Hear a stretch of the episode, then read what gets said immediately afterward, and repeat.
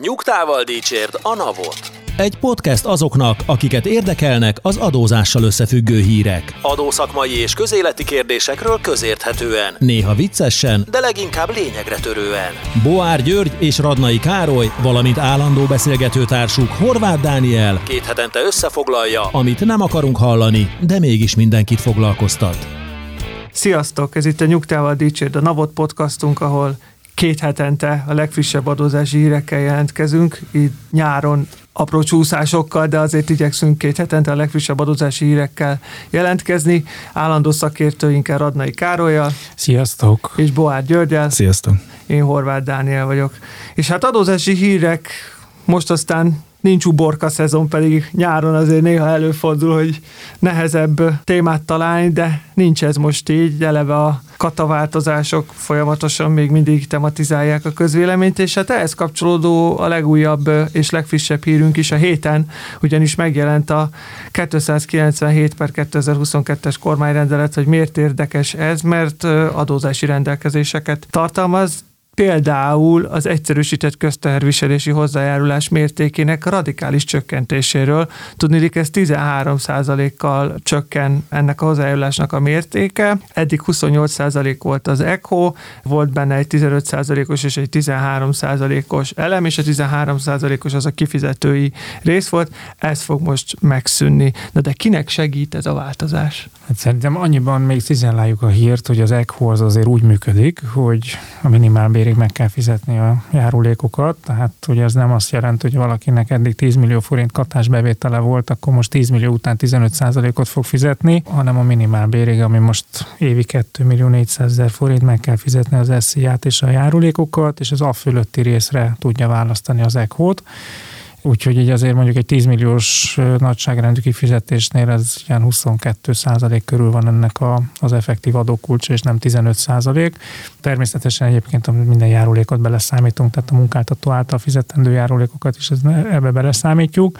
És hát ez az érdekes része szerintem ennek a változásnak, hogy nem a kvázi munkavállaló oldalán, vagy hát a, tehát a magánszemély oldalán történt a könnyítés, hanem a kifizető oldalán, ami egyértelműen arról szól, hogy a kifizető abban legyen érdekelt, hogy megállapodik egy bruttó összegről, mint ahogy a katánál is, hogy megállapodik egy bruttó összegről, és a katát azt a, a vállalkozónak kellett fizetnie, és aztán minden adó egyébként a, a magánszemély terhelje, és ezért a kifizető abban lesz érdekelt, hogy transzparens, egyértelmű viszonyokat teremtsen, Úgyhogy szerintem ebből a szempontból egy nagyon, nagyon jó lépés volt. Az ECHO egyébként is az évek során egy picit kiüresedett, azt még a művészeti szakmákra találták ki, mert hogy itt klasszikus mondjuk egy film, vagy egy színház, vagy az újságírás is egy olyan, hogy van egy ilyen függő kapcsolat, de hogy ilyen projekt alapú a munkavégzés, hogy egy adott projekten egy adott ideig, kettő-három hónapig történik a munkavégzés, majd utána aztán tovább áll a, a magánszemély egy másik produkcióra, másik újsághoz, másik projektre.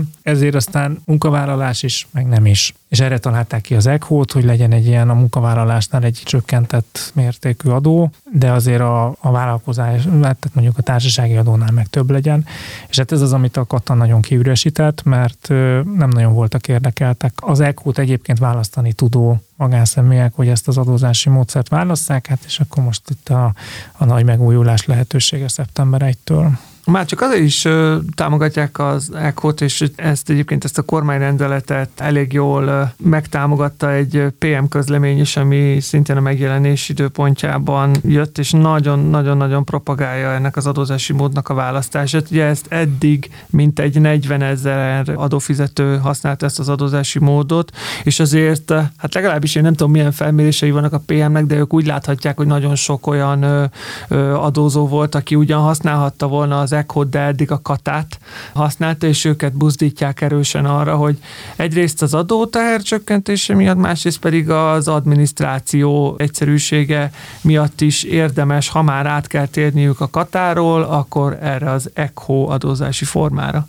Igen, nekem az a kérdés, hogy a 40 ezerben a futballisták is benne van. Benne vannak, bizony, bizony. Tehát a 40 ezer az úgy jön össze, hogy benne van a televízióknál dolgozók, az újságoknál dolgozók, a színházaknál dolgozók, akik tényleg munkavállalók, és akkor ők választatják az ECHO-t, és az összes sportszervezetnél dolgozók, tehát hogy ez nem csak a futbolisták, hanem minden sportszervezetnél, aki sportszervezettel nem önálló jogviszonyt létesít, akár munkavállaló, akár megbízási, ő választhatja az ECHO-t, és azért ez a 41 ezer, ez így jön össze. Ezt a számot dobhatja meg mondjuk klasszikusan mondjuk a filmipar, ahol azért jó pár ezer olyan szakalkalmazott van, így hívják őket, hogy szakalkalmazott, tehát azért ez is arra utal, hogy azért itt egy függő viszony van. Magyar színészek, művészek, előadók, illetve stábtagok, akiknek azért ez most egy, egy valóban egy nagyon vonzó alternatíva lehet, és abból a szempontból sokkal jobb, mint az általányadózás, hogy nem a magánszemélynek kell ezzel vesződnie, hanem a, a megbízónak. Úgyhogy a magánszemélynek igazából csak egy adóbevallási kötelezettsége lesz, amit egyébként megcsinál a NAV, tehát hogy, hogy nagyon leegyszerűsítik. Ugye az ECHO az nem egy, nem egy adó,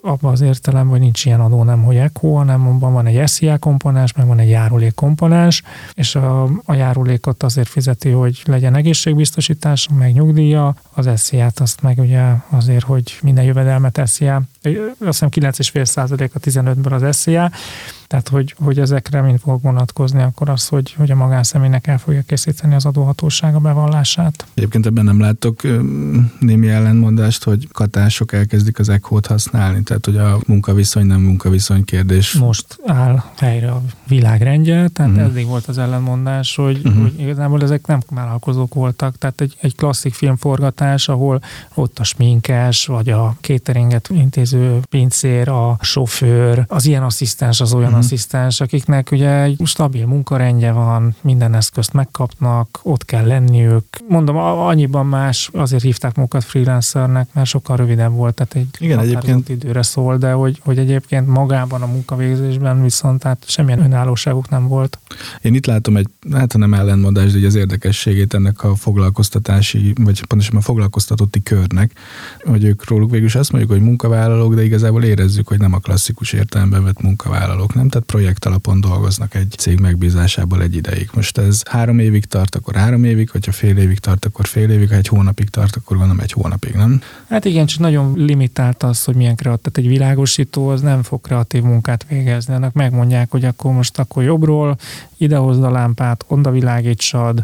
Vannak olyan szakmák, uh-huh. ahol mondjuk ha hozza a saját eszközeit, akkor lehet azt mondani, de mondjuk egy díszletépítésnél is, hát most az a festő, akinek megmondják, hogy most sárgára uh-huh. fesse le a falat, hát ő, ő azért egy alkalmazott. Én csak azért feszegetem ezt, mert talán az előző, vagy két adással korábban is tettem egy ilyen gondolatot, csak hogy magamra hivatkozzak. Nagyon elegáns. Szóval, hogy van-e olyan problémánk, hogy van egy bizonyos munkavégzési forma, vagy egy bizonyos foglalkoztatotti kör, akinek az adóztatását nem tudjuk a jelenlegi rendszerben jól kezelni. Tehát, hogy nem volt tökéletes a kata, mert érezzük, hogy több az ő viszonya a foglalkoztatóval, mint egy sima megbízás, vagy egy sima freelancer státusz, de azért a klasszikus értelemben vett munkaviszony annak se lehet mondani, mert hogy periodikus, vagy projekt alapú, vagy, vagy egyszeri, tehát nem arról van szó, hogy ők nyugdíjba fognak menni abból a projektből. Igen, de szerintem mondjuk az ECO pont erre nagyon jó megoldás, mert az ECO-t azt lehet munkaviszonyban, megbízási szerződésben és vállalkozási jogviszonyban uh-huh. is egyszerre alkalmazni, tehát hogy független a, a jogviszonytól ugyanannyi az adó, és nincs meg ez az átminősítési kockázat, tehát mint ami mondjuk egy kata versus munkaviszony esetén megvan. Tehát, hogy aki választja az ECO-t, és ugye ez egy választás, akkor ebben az esetben ott teljesen mindegy a jogviszony. Erre már csak ezért is egy nagyon jó megoldás. Hát főleg így, hogy tényleg egy, egy nettó 15% adó terheli az egész jogviszonyt. Na de hogyha az ECO egy ilyen jó megoldás, akkor bennem az a kérdés merül fel, hogy ez csak a művészeknek jó megoldás, csak ők bírnak ilyen atipikus foglalkoztatási sajátosságokkal, vagy egyébként más iparágakban munkálkodók, tevékenykedőkre is kiterjeszthető lenne ez az adózási mód, és akkor itt visszautalnék megint arra a megkülönböztetésre, ami egyébként a, ugye most a katának az átalakítása kapcsán is megtörtént, hogy akkor a taxisok mégis maradhatnak úgy katások, hogy cégeknek is számlázhatnak, vagy rájuk nem vonatkoznak, ezek a, ők nem kerülnek ki a kata hatája alól, miért? És akkor bennem logikusan az a kérdés merül fel, hogy oké, okay, most az ekósoknak sokkal jobb lett. Akik 41 ezeren vannak, de lehet, hogy most 60 ezeren lesznek. De hogy Bocsánat, ez... nem a 41 ezernek lett sokkal jobb, hanem az őket foglalkoztató kifizetőknek lett sokkal jobb jobb, tehát a, a televízióknak, a sportszervezeteknek. Igen. Az, hogy az ekósoknak jobb lesz, az igazából az, hogy a, a filmipar tudom mindig hozni vissza példaként, mert ott látom ezeket, hogy amikor a katát is szigorították, hogy ott ugye az volt a megállapodás, hogy most van 100 forintom arra, hogy én téged felvegyelek, és ezt te döntsd el, hogy te most katás akarsz lenni, ekús akarsz lenni, vagy munkavállaló akarsz lenni, vagy stb. De hogy, hogy 100 forint, ebből kell kigazdálkodni, és mindent visszafele számoltak. De hogy ez egy nagyon különleges példa, na ott egyértelműen az ekós jár jól, mert az összes adót er igazából őt nyomta, a normál szakmákban, ahol egyébként munkaviszonyban ECHO szerint adóznak, ami ennek a 41 ezernek a legnagyobb része, ott a munkáltatók járnak jól. Értem, ezzel most a munkáltatók járnak jól, de hogy az én kérdésem az inkább arra vonatkozik, hogy indokolható-e, hogy ez az adózási mód csak a ilyen tipikusan művészi jellegű tevékenységet folytatóknak hasznos, vagy csak nekik, vagy miért van ez ennyire rájuk testre szabva? Ugye még a 2000-es évek közepén elején találták ki ezt a, a törvényt, és tipikusan olyan szakmákat kerestek, ahol kvázi függő viszony van, de rövidebb időszakra, és hogy szóval nagyon jó a kérdésed, mert átapintottál a lényegre az ECHO-val kapcsolatban legnagyobb problémájára, hogy abban van egy taxatív felsorolás, hogy milyen szakmára lehet választani, és hogy nem csak ez a taxatív felsorolás a probléma, hanem hogy a világ fejlődik, és 20 év alatt bizony olyan szakmák keletkeztek, amik azokból a szakmákból fejlődtek ki, ami akkor fel volt sorolva, de most már nem az, illetve illetve szakmák megszűntek, tehát hogy kiüresedtek bizonyos kategóriák. Tehát, hogy régen mond, akire mondjuk azt mondtuk, hogy nem tudom, informatikus, akkor az, az, az nagyjából egy, azt jelentett, hogy az a szaki, aki ért a számítógépekhez, és, és egyébként kezeli a dolgokat, és az az IT is. Nem tudom, most az informatikus az egy Hát lényegében egy, egy nagyon-nagyon, az olyan, mint a mérnök, egy ilyen nagy gyűjtő fogalom, és azon belül elképesztően sok szakmát felöláll. Na hát ez a problémája az, az ECO törvénynek is, hogy rengeteg elavult szakmát tartalmaz. Ezt több körben bővítették, a legnagyobb kör az, az, a, az a sport volt, ahol végülis az a szerintem egészen jó megoldás született. Elkezdték először listázni, hogy a, az ilyen edző, az olyan szakedző, a gyúró, nem tudom mi, de hogy mindig az volt, hogy valaki kimaradt, és hogy miért maradt ki és akkor húztak egy vonalat, és azt mondták, hogy mindenki, aki sportszervezettel jogviszonyt létesít, az választhatja az ECO-t. Na, ez szerintem egy tök jó szabály, mert akkor az egy, egy egyértelműsévé tette, hogy megvan a jogbiztonság, nem kell itt, és hogy, hogy szerintem ez lenne a jó irány, hogy ilyen iparágszerűen kiterjeszteni az ECO-t, akár a filmiparra, akár bármilyen más iparágra, és azt mondani, hogy aki olyan, a nehéz az, hogy meghatározni, hogy ki a, az adott iparág szereplője, mert hogy ehhez azért a sportszervezetek és ugye az egy, aki kaphat állami támogatást, tehát van egy bizonyos szűrő, hogy meg tudom én, indul bajnokságban, de hogy ezeket azért egy kis erőlködéssel meg lehet találni más iparágakban is, és szerintem ez lehet egy jó irány, hogy, hogy így kiterjeszteni az ECO hatáját más iparágakra is. Minden a katával kapcsolatban is az említett kormányrendelet hát kisebb változtatásokat, vagy inkább azt mondanám, hogy racionalizálásokat hajtott végre. Talán az egyik legfontosabb, hogy azok a közkereseti társaságok, betéti társaságok, egyéni cégek, ügyvédi irodák, akik 2022. augusztus 31-én katásnak minősülnek, tehát régi katások voltak, azok az átállás kapcsán a nyitó mérlegüket nem kell, hogy könyvvizsgálóval ellenőriztessék majd. Ez ugye egyrészt talán az adminisztráció szempontjából is könnyebb, az átállást is segíti, meg hát egy komoly költség, amitől így megszabadulnak. Hát maradjunk annyiba, hogy valószínűleg, hogy ezt a, a nem kapkodó jogalkotásban mégsem vették észre. Igen, és azért még vannak egyéb változások is, amikről érdemes beszámolni, és szintén ehhez a kormányrendelethez kapcsolódnak. Mit szóltok ahhoz, hogy a következőkben a társasági adót és a helyi iparőzési adót már nem csak forintban, hanem dollárban és euróban is megfizethetik az adózók. Szerintem ez egy nagyon logikus és értelmes szabály, és igazából az a furcsa, hogy eddig miért nem volt erre példa. Nyilván nem a, a könyvét forintban vezető cégek akarnak majd euróban meg dollárban adót fizetni, mert minek, hanem azok, akik a könyveiket euróban vagy dollárban vezetik, mert nekik ez egy viszont egy, egy állandó kockázat, hogy az év lezárását követő ötödik hónapban kell megfizetni forintban azt az adót, amikor az árfolyam már teljesen más lehet, mint amiben egyébként ők kiszámították a profitjukat. Tehát, hogy 1000 dollár nyeressége van a cégnek, kell utána fizetnie 90 társasági adót, és utána mégsem ezt a 90-et állítja majd be a könyveibe, hanem majd megnézi, hogy 5 hónap múlva, május 31-én éppen mi az aktuális árfolyam, és akkor azt vissza, forintról visszadollárosítják, és akkor az lesz. Erre lenne ez megoldás, hogy akkor, ha ő 90 dollárt hozott ki a könyvelésében adófizetési kötelezettségként, akkor ő 90 dollárt fizetessen. Aztán lehet, hogy nem ez lesz, hanem azt fogja mondani, a, megjed a, a jogalkotó, és azt mondja, hogy de hát akkor mégsem szakadjunk el teljesen a forinttól, hanem csak lehessen devizában teljesíteni.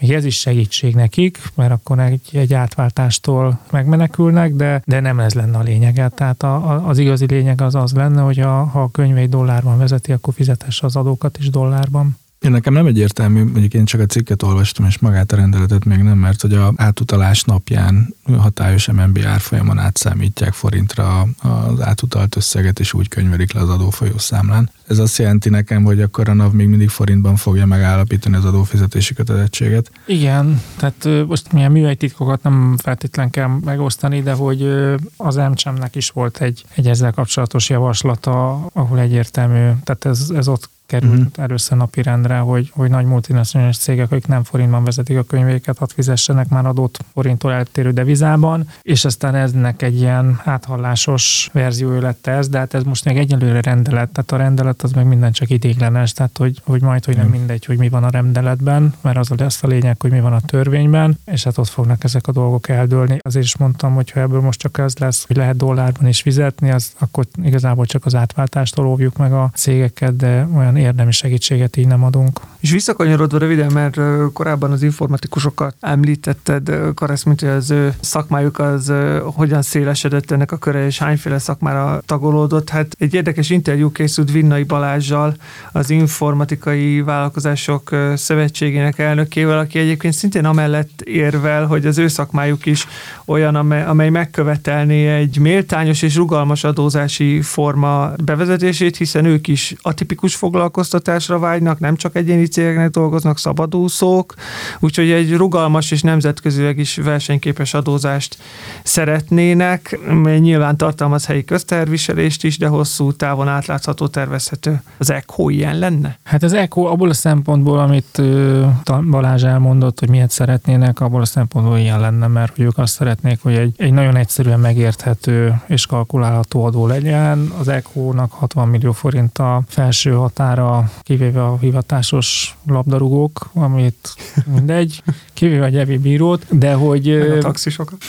hogy azért az a 60 millió forint az egy elég nagy összeg, tehát hogy abba, abba azért elég nagy fizetések beleférnek, Amiért az ECHO egyébként nem feltétlen jó megoldás azonnal, az az, hogy ami a cikkben le volt írva, és azért ez egy elég komplex probléma, hogy az informatikában nagyon sok olyan hát megint csak magát szabadúszónak nevező, de egyébként kvázi alkalmazottak, home office alkalmazott informatikusok, akiknek nagyon sok külföldi megrendelésük van. Ezt a Covid hozta ezt a nagy átalakulást, hogy kiderült, hogy, hogy cégek nagyon jól el tudnak muzsikálni home office-ból is, és akkor meg... Akkor meg végül is dolgozhatok kanadainak is. Hát így van, illetve hát, hogy kialakult-e az informatikában egy nagyon nagy munkaerőhiány, és egyértelműen nyúltak Kelet-Európa felé, illetve hát magyarok is nyúltak Ukrajna, Szerbia, Bulgária felé, tehát hogy, hogy egy ilyen általános agyelszívás van, anélkül, hogy egyébként meg kéne, oda kéne vinni az embert, hogy, hogy szállást kéne neki adni, hogy, hogy vízumot kéne neki intézni, szóval hogy egy nagyon mobilis lett ez az iparág, és nagyon kényelmes lett a, a megbízók szempontjából. Viszont azért mondom, hogy ez sokrétű probléma, mert amit itt ez a cikk feszegelt, az ennek az egész problémának csak egy töredéke. Itt az agyelszíváson van a hang hangsúly, hogy, hogy először is át kéne tekinteni ezt a problémát, hogy ez egyáltalán nemzetgazdaságilag jó vagy nem jó. Hogy Magyarországról nem magyar cégeknek dolgoznak munkavállalók, és, és a hozzáadott érték az nem itt termelődik, és valóban akarjuk ezt mindenféle adóhatékony módon még, még ösztönözni is, mert annak aztán az lesz a hatása, hogy még inkább abba az irányba fognak elmenni, hogy, hogy nem magyar cégeknél vállaljanak munkát. Eddig katáztak, klasszikusan ezek a most általányadózók lehetnek, ha kiterjesztik nekik az ECO-t, akkor az a 15%-os ECO az tök egyszerű lenne, viszont a mostani ECO törvényt azért nem olyan könnyű kiterjeszteni, mert ott abban az van, hogy a csak az ECHOSZat, aki forintban is fizeti. Ez egy elég földhöz ragadt szabály, de, de így van, tehát ehhez hozzá kellene nyúlni, és ilyen esetben ugye a, ha külföldről kapja valaki a jövedelmét, akkor igazából nem is tudnak ECHOzni, mert a kifizető nem tudja levonni. Tehát, hogy ehhez is hozzá kellene nyúlni, hogy akkor a magánszemély vállalhassa át és fizethesse be ezeket az adókat tehát hogy több mm, szempontból is hozzá kellene nyúlni a dologhoz, de hogy nem vagyok benne biztos, hogy, hogy mindjárt az adó kezeléssel kellene foglalkozni, mert itt van egy olyan alapprobléma, amit először is meg kellene érteni, hogy ez hány embert érint, hogy ennek milyen nemzetgazdasági következményei vannak, mert lehet, hogy az a válasz, hogy ez, ez jó. Tehát, hogy ez plusz pénzt hoz, felnyomta a béreket, ezek az emberek jobban élnek, mint hogyha a magyar cégektől kapták volna a keresetüket, többet fogyasztanak, és lehet, hogy az a válasz, hogy,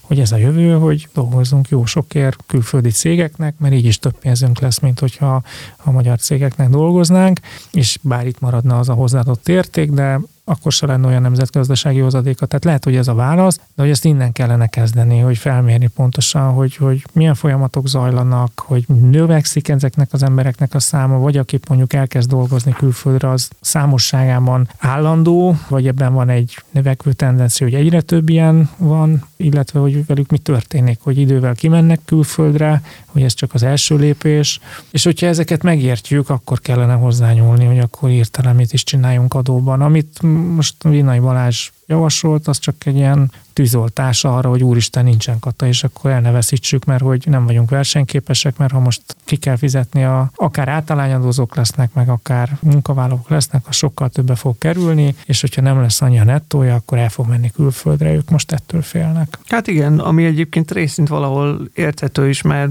ezek a folyamatok, amiket említesz, és amely mérések végén eljutnánk odáig, hogy megértsük, hogy ez most nekünk jól vagy nem, ezek sokkal szélesebb időhorizonton mozognak, mint az, hogy szeptember 1-től nem lehet katázni, tehát hogy valamit meg fog magával kezdeni az adott informatikus, és akkor lehet, hogy mire meg tudjuk válaszolni azt a kérdést, hogy nekünk jó-e egyáltalán, hogy innen külföldre dolgozik, vagy mindenképpen az lenne a jó, hogy magyar cégnek dolgozon, addig ennek már nem lesz relevanciája, mert már évek teltek el, és egy bejáratott rendszerben valahol máshol dolgozik, de valóban, tehát nem olyan könnyű törvényeket átírni, meg azt átgondolni, hogy az hogyan alakuljon, még akkor is, hogyha mostanában néha úgy tűnik, hogy napok alatt lehet fontos jogszabályokat megváltoztatni, csak pont azoknak a környezeti meg társadalmi kihatása az, amire nem mindig vagyunk talán tekintettel.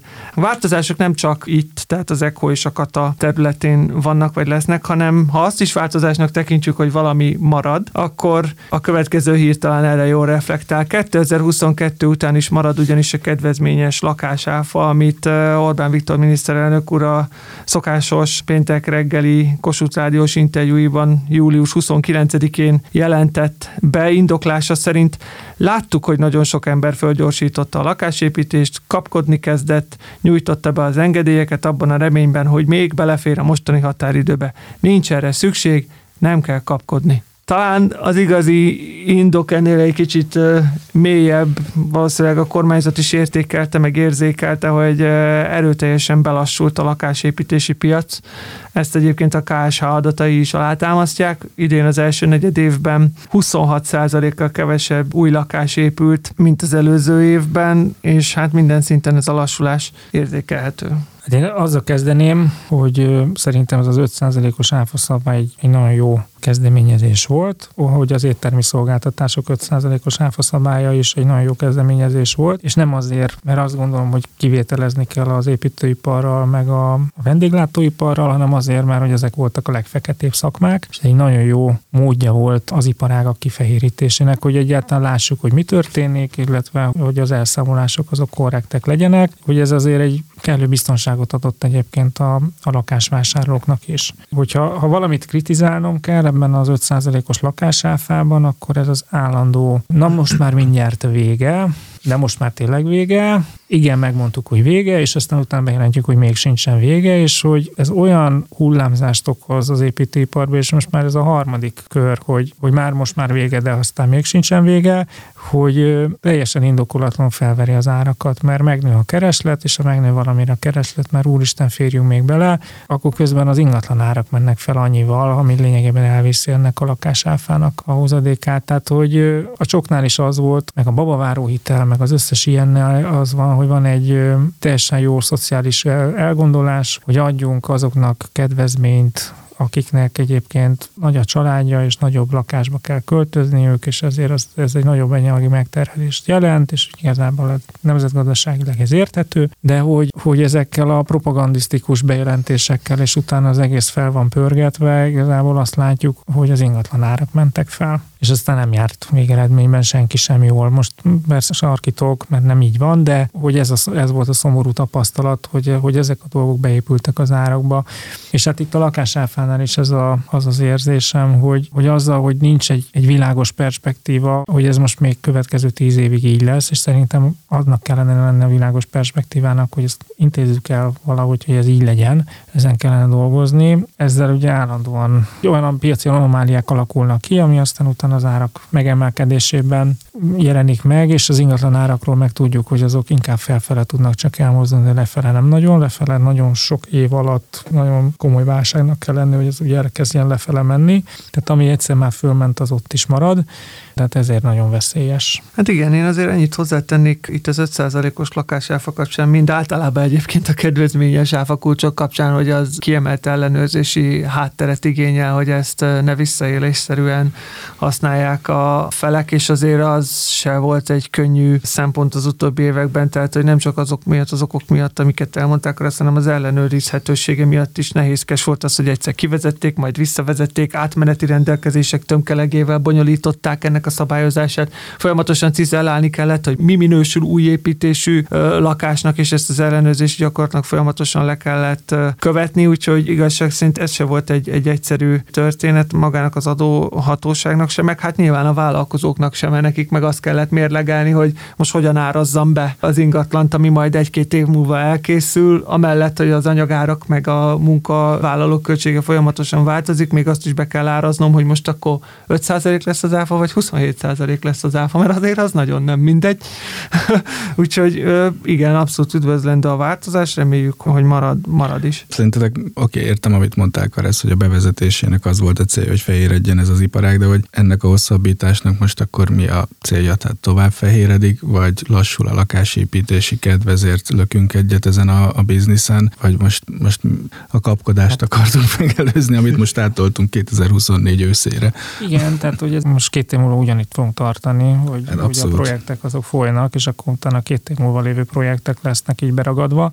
Én szerintem a kormány két dologgal szembesült. Az egyik, hogy lassult az építőipar, az rossz a GDP-nek, illetve hogy, hogy mentek föl a, az ingatlan árak, és hogy ez egy rossz tendencia volt. Mégis akkor nem kettő, hanem három, mert ugye a harmadik az pedig az, hogy az egy komoly kockázat, hogy visszafeketedik a gazdaság. Tehát ami ki tud fehéredni egyik pillanatra a másikra, az azért vissza is tud szürkülni. Nem egyik pillanatra a másikra, de hogy, hogy amikor magánszemély a megrendelő, akkor azért nagyon könnyű azt mondani, hogy most számlát kérünk, vagy nem kérünk számlát, és ha nem kérünk számlát, és cashben kell fizetni, akkor onnantól kezdve nagyon nehéz dolga van az adóhatóságnak, hogy a dolgokat megfogja, és ezért az építőipar ez egy határozottan nehezített pálya ebből a szempontból, tehát hogy, hogy ott nagyon nagy volt a kockázat. Úgyhogy szerintem ez a két éves hosszabbítás annak szólt, hogy ne a válság közepén szűnjön ez meg ez a dolog, mert nagyon sok olyan negatív következménye lesz, ami egyébként csak rontani fogja a válságot. Abszolút, nem is akarom ezt nagyon túragozni, mert szerintem túlságosan is egyetértünk ebben az egészben, de szerintem a legnagyobb konklúzió ennek az egésznek, hogy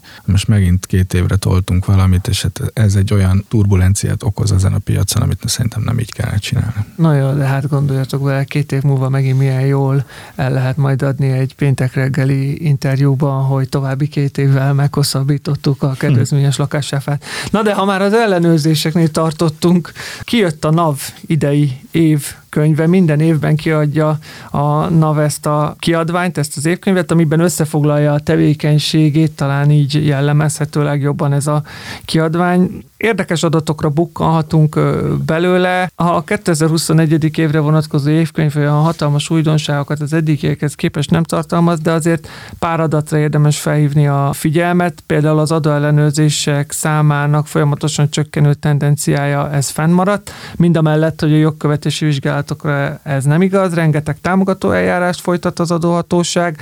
Az adóhatóság hatékonyságát talán a legkönnyebben úgy lehet lemérni, hogy bár az adóellenőrzések száma csökkent, de a megállapított adókülönbözet mértéke nőtt, tehát kevesebb adóellenőrzéssel több adókülönbözetet sikerült feltárni, mint ahogy egyébként nőttek a NAV-nak a bevételei is, hát ez egyértelműen a NAV-nak köszönhető, hanem nyilván a termelői és a fogyasztói árak emelkedése például ugye az áfa növekményt azt értelemszerűen előidézi.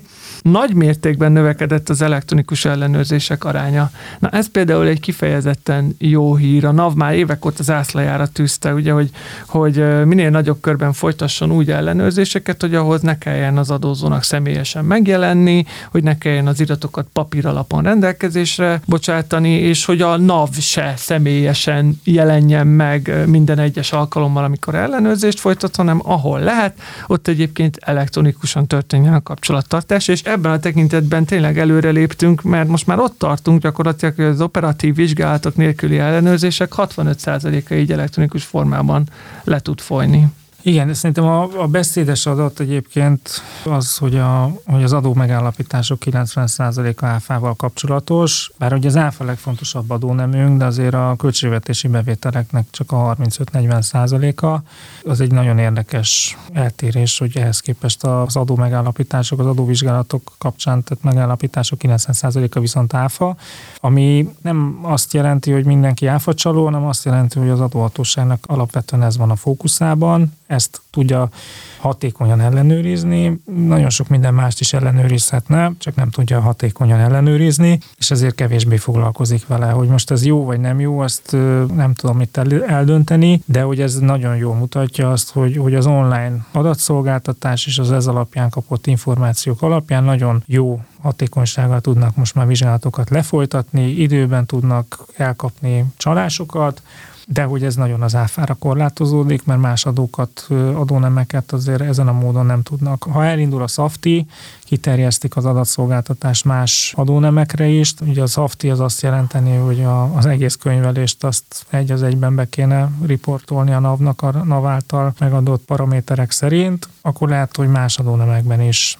SZIA-ban, társasági adóban, járulékokban is megemelkednének a, a megállapítások mértéke de hát ehhez most ugye nincsen meg az erőforrásuk, és nyilván hát én is ezt csinálom helyükbe, hogy a könnyebb ellenállás, a hatékonyabb vizsgálatokat erőltetném, mert abból lesz pénz. Hát sőt, ezt kifejezetten méri is az adóhatóság, annyira igazad van ebben Karesz, hogy az évkönyv ki is tér rá, hogy két és fél ezer olyan adóellenőrzést folytattak le 2021-ben, ahol a központi és helyi kockázatelemzés kifejezetten az online számlarendszer adataira alapulva adta azt a javaslatot, hogy folytassanak le adóellenőrzést, és ezekben 69,5 milliárd forint nettó különbözetet tárt fel, tehát az adóhatóság használja az online szám számla rendszer adatait, és hát ez valószínűleg ennek a hatékonysága egyre csak nőni fog. Igen, meg annyit kiegészítésként, hogy, tehát, hogy valahogy a NAV is annak a rabjává vált, és szerintem ez nem egy jó irány, hogy állandóan azt próbálja mutatni, hogy, hogy mennyi az a, az adó különbözet, amit megállapít, pedig hát ez egy tök irreleváns dolog, tehát hogy egy jól működő, teljesen fehéren működő gazdaságban nincsen szükség NAV-ra, mert, mert mindig nullát találna, és akkor ez nem azt jelenti, hogy a NAV eredménytelen munkát végez, hanem az, hogy jól működnek a folyamatok. Tehát, hogy ezek a ennyi adót találtunk, meg annyi adót találtunk, ez mondjuk piára jó, de hogy így szakmai szempontból nehéz értékelni, hogy ez most jó vagy nem jó. Inkább a trendeket érdemes nézni. Ott azt egyértelműen lehet látni, hogy évről évre csökkennek az adóvizsgálatoknak a száma, kifejezetten ezek az átfogó nehéz vizsgálatok, amit a nagy adózóknál végeznek. Ennek is ugye részben a hatékonyság az oka, másrészt pedig a megváltozott hozzáállása az adóhatóságnak, az, hogy az elektronikus módon sokkal könnyebben tudja a csalásokat felderíteni, már nincs rászorulva arra, hogy kimenjen a, a nagy nemzetközi cégekhez, most elsősorban nemzetközi cégek, akik a, a nagy vállalkozások, és akkor addig üljön ott, amíg nem talál valamit. Hát igen, én emlékszem olyanra, amikor ki kellett menni, még ez jó régen volt ellenőrzése, kiutálás előtti áfa rövid határidőkkel, és akkor azt mondta az ügyfél, hogy tessék följönni a hetedik emeletre, majd kinyitott egy körülbelül 50 négyzetméteres szobát, és azt mondta, hogy ez a 2014 júniusi iratanyag. jó szórakozást kívánunk hozzá. Szóval ehhez képest az, hogy pörgethetem az Excel táblába, és rákereshetek tételenként, azért az nyilván nagy könnyebbség. De visszatérve az elrettentő erőre, azt gondolom, vagy a preventív funkció, funkcióra nevezzük, talán így kellemesebb a megnevezése. Ez lenne a, az adóhatóságnak igen az elsődleges feladata, és az adókülönbözetet tényleg ott feltárni, ahol leginkább családmagatartást tanúsítanak, és ott keményen fellépni, és a támogató eljárások, meg ez a fajta szemléletváltás, ez pont ebbe az irányba mutat. Az meg, hogy adókülönbözetet feltárunk, hát az meg nyilván abból fakad, hogy mindig is lesznek, de tényleg olyanok, akik nem akarnak adót fizetni, és ennek érdekében család magatartáshoz folyamodnak, ezt százszerzalékosan nem lehet kizárni, úgyhogy, úgyhogy, úgyhogy az adóhatóságnak a létjogosultsága az ilyen szempontból azt gondolom, hogy sajnos mindig is megalapozott, megalapozott lesz. Igen, van a magyar hatóságokban egy ilyen bírságfetisizmus, nem? Tehát, hogyha ha egy, egy nébik vagy egy, vagy egy valamilyen hatóság azzal próbálja igazolni a relevanciáját, hogy hány lángosos büntetett meg a Balatonparton, hát akkor ez elég szomorú, de hát sajnos ez a, ez a trend. A NAV mondjuk védelmére mondjam, hogy ez az összefoglaló azért nem fullad bele ebbe a fetisizmusba. I- igen, különös tekintettel arra, hogy egyébként ugye a feltételes adóbírság kedvezményre is kitér, ami egy pár éve létező jogintézmény, és ami szintén azt szolgálta, hogy rövidebbek, gyorsabbak legyenek az eljárások, hogy ha már valahol egyszer adókülönbözetet kellett megállapítani, akkor dönthessen úgy az, a, az adózó, még a legdurvább tényállások esetén is, hogy jó, én ezt elfogadom, itt első fokon zárjuk le, de akkor a bírságnak csak a felét fizetem. Igen. És akkor ez, ez, ez, egy, ez egy kifejezetten jó dolog, mert, mert akkor nem kell évekig a bíróságra rohangálni, meg nem kell új eljárásokat lefolytatni adott esetben, úgyhogy ezt is figyeli, meg követi az adóhatóság, sőt propagálja, az összes elsőfokú határozatban benne van a lehetősége. Térjünk át a nemzetközi vizekre.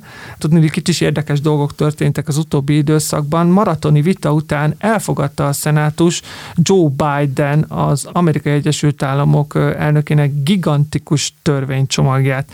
Hát miről szól ez a gigantikus törvénycsomag? Talán már többször is röviden szót ejtettünk róla. Egyrészt a társasági adók emeléséről, másrésztről az éghajlatváltozás elleni küzdelemről és a gyógyszerárak csökkentéséről is. Elég nehezen ment át a szenátuson ez a szavazás, 51-50-es arányban végül Kamala Harris alelnök voksa döntött el ezt a szavazást.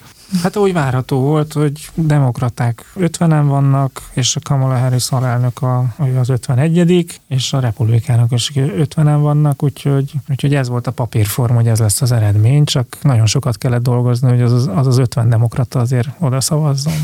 Igen, hát Chuck Schumer, a szenátus többségi demokrata vezetője úgy mutatta be ezt a törvényjavaslatot a szenátusi vita kezdetén, hogy ennek célja a széndiokszid kibocsátás csökkentése, a fogyasztók átállítása a zöld energiára, az idősek vényköteles gyógyszerei költségeinek a csökkentése, és a vállalatok és gazdagok adóinak behajtásának a szigorítása. Egyéb iránt ez a törvénycsomag előre láthatóan, ez, ez nyilván ez egy becsült adat, 739 milliárd dollár bevételt fog generálni az Egyesült Államoknak. 15%-os minimális társasági adó bevezetésére készülnek, de vajon ez mennyire a globális minimumadónak megfeleltethető? Hát első hallásra a 15 százalék és hogy minimum ez, és társasági adó, azt gondolnánk, hogy ez teljesen ugyanaz, de ha valaki veszi a fáradtságot, illetve a bátorságot, hogy átpörgesse ezt a kis 730 oldalas csomagot, vagy ügyesen valami egyszerűsített cikket elolvas, akkor látni fogja, hogy ez nem egészen az, amit az OECD nyom az elmúlt pár évben. Csak így nem belefulladva a részletekbe, tehát a 15 százalék stimmel, meg az is, hogy, hogy társaságokra vetik ki, de hogy az adóalap eltérő, mint amit a, a Pillar 2-ben az OECD globális minimumadó alapján szeretne használni. Az érintett társaság társaságoknak a köre is teljesen más. Ez egy 1 milliárd dolláros pritex profitet adózás előtti eredménnyel rendelkező amerikai cégekre kivetendő adó, tehát hogy nagyon más logikával működik, mint a, mint a globális minimumadó, amit az OECD nyom megtervez, meg hát amit az EU is nyom. Úgyhogy egy elég érdekes szituáció áll elő, ugyanis nem igazán lehet a kettőt összefésülni. És már csak azért is érdekes ez, mert ugye a legutóbbi adásunkban is kiemelten foglalkoztunk azzal a témával, hogy az Amerikai Egyesült Államok fölmondta a Magyarországgal kötött kettős adóztatás elkerüléséről szóló egyezményét. Mi akkor egyértelműen abba az irányba mentünk, és egyébként a kommunikáció is ezt erősítette meg, hogy ez a magyar kormány globális minimumadó elleni vétójával kapcsolatos. Na hát most akkor az amerikaiak is a globális minimumadó mellé terveznek, tehát akkor most ez mi? Egy mini vétó? Hát ez egy nagyon jó kérdés. A cikk, amit ezzel kapcsolatban, véleménycikk, amit ezzel kapcsolatban olvastam, az azt feszegeti, hogy ez egy US külön utasságot mutat, ami egyébként majd így esetleg a, mondjuk úgy, hogy a, a globális minimumadót kritikával szemlélőket is arra ösztönözheti, hogy ugyan korábban jóvá hagyták a dolgot, de ilyen, hát nem jó tanulóként vezessék be ezt elsőként, hanem úgy így taktikázva figyelve a többi szereplőt. A cikk ez Kanadát említi különösen, vagy, vagy a UK-t, tehát hogy valószínűleg ad egy, hát ha nem is pofon, de egy, egy érdekes csavart a minimumadó bevezetésének ez az amerikai csomag, feltéve persze, hogy átmegy most pénteken képviselővázon.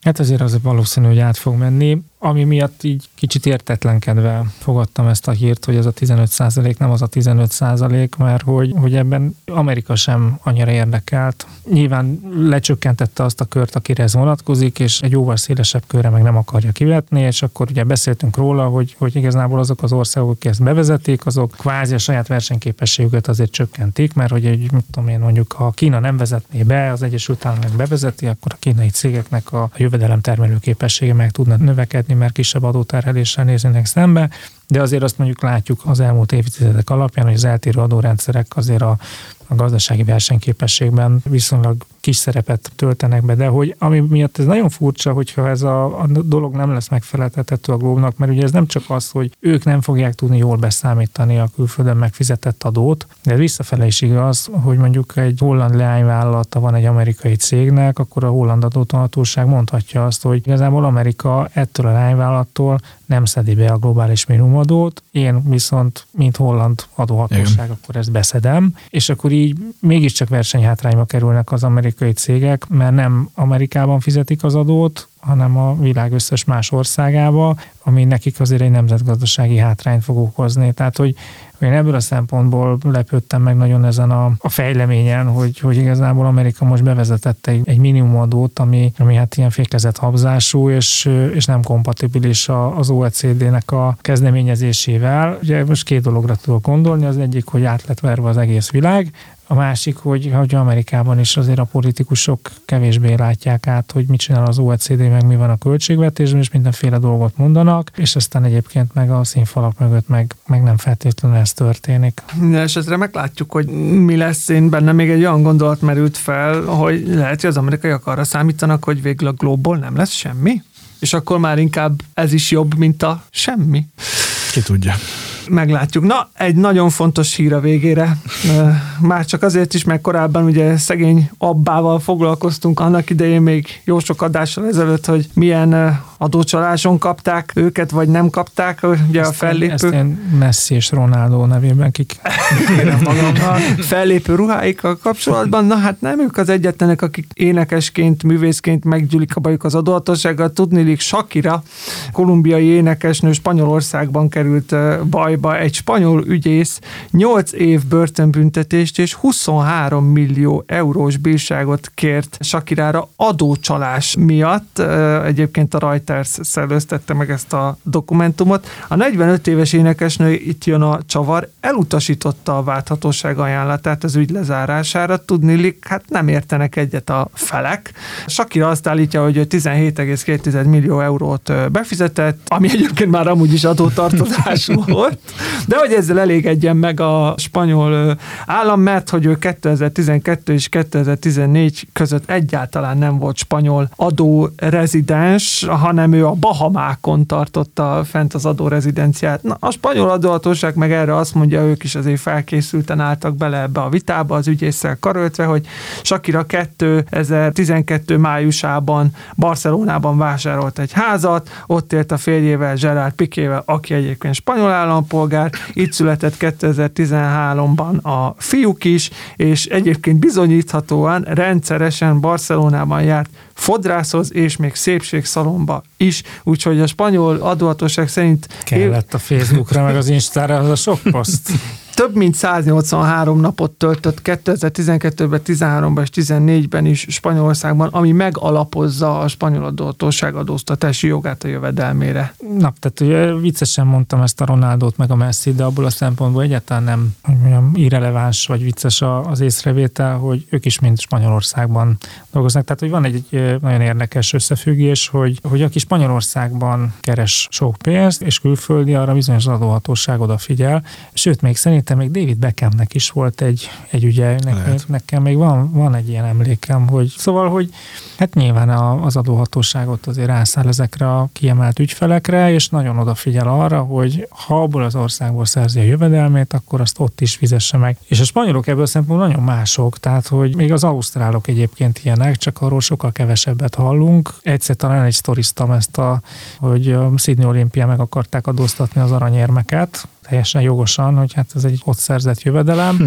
Na, a spanyol adóhatóságnak is hasonló a hozzáállása. Inkább az az érdekes, hogy más adóhatóságok miért nem ilyenek. Tehát, hogy, hogy mondjuk egy, egy olasz, egy francia, egy német adóhatóság miért megengedőbb, ott kevésbé hallunk ilyen történetet. Nem tudom, hogy mi lehet a háttérbe, de hogy nem csak itt találkozom, tehát én más iparágakban is találkozom azzal, hogy a spanyol adóhatóság bizony nagyon kemény és agresszív, és hogy azt gondolnánk, hogy ilyen mediterrán nagyvonulósággal kezelnek dolgokat, és egyáltalán nem. Van egy Celebrity Task Force, ami, ami árus szemmel figyel itt a, a migrálást. Hát, ezeknek az ügyeknek, amiket említett, és Karas általában az szokott a vége lenni, hogy a művész sportoló végül lenyilatkozza, hogy ő neki semmi köze nem volt ez az egészhez, mert jó indulattal ezerig se tud elszámolni, hanem ezt a könyvelő mahinálta, és akkor egy erőteljes bírságtétel befizetésével, meg mondjuk egy felfüggesztett börtönbüntetéssel ér véget ez a történet. Nem tudjuk, hogy Sakiránál mi lesz ennek a vége, főképp arra kitérve, hogy amúgy sincsenek túl jó napjai, ha, ha, ha, jó, ha jól hallottuk, ugye. A, Szerintem még az életkorára is ki fogsz nem, térni nem, újra. Nem, nem, arra, se, arra, semmi, arra semmiképpen, de hogy a házasság gazdasága sem úgy működik, hogy kellene. De hát itt az adózással kapcsolatban ő ártatlannak vallja magát, úgy gondolja, hogy bahamai adórezidens volt 2012 és 14 között. Minden valószínűség szerint így ez az eljárás el fog indulni, és természetesen beszámolunk arról, hogyha ítélet születik. Ami egyébként nem tudom, mit jelent, tehát hogy akkor Sakira majd nem fog tudni Európába jönni, mert van kiadatás, vagy azt jelenti, hogy csak Spanyolországban nem fog tudni visszamenni, mert hát azért gondolom, hogy börtönben nem fog vonulni, bármi is lesz az ítélet. Lehet, hogy ő is átköltözik Olaszországba, mint Cristiano Ronaldo. hát, vagy ott marad a Bahamákon. Ha már vett egy házat azért, hogy bahamai adórezidens legyen, akkor ott is el lehet engedni. A mai napra ennyi hír fért az adásunkba, kedves hallgatók. Reméljük, hogy jól szórakoztatok, tartsatok velünk a legközelebb is. Sziasztok! Sziasztok! Sziasztok! A Nyugtával Dícsért a Napot podcast adását hallottad. Az elhangzott kijelentések és vélemények a műsorvezetők és vendégeik magánvéleményét tükrözik. A műsornak nem célja az adótanácsadás, és nem is minősül annak.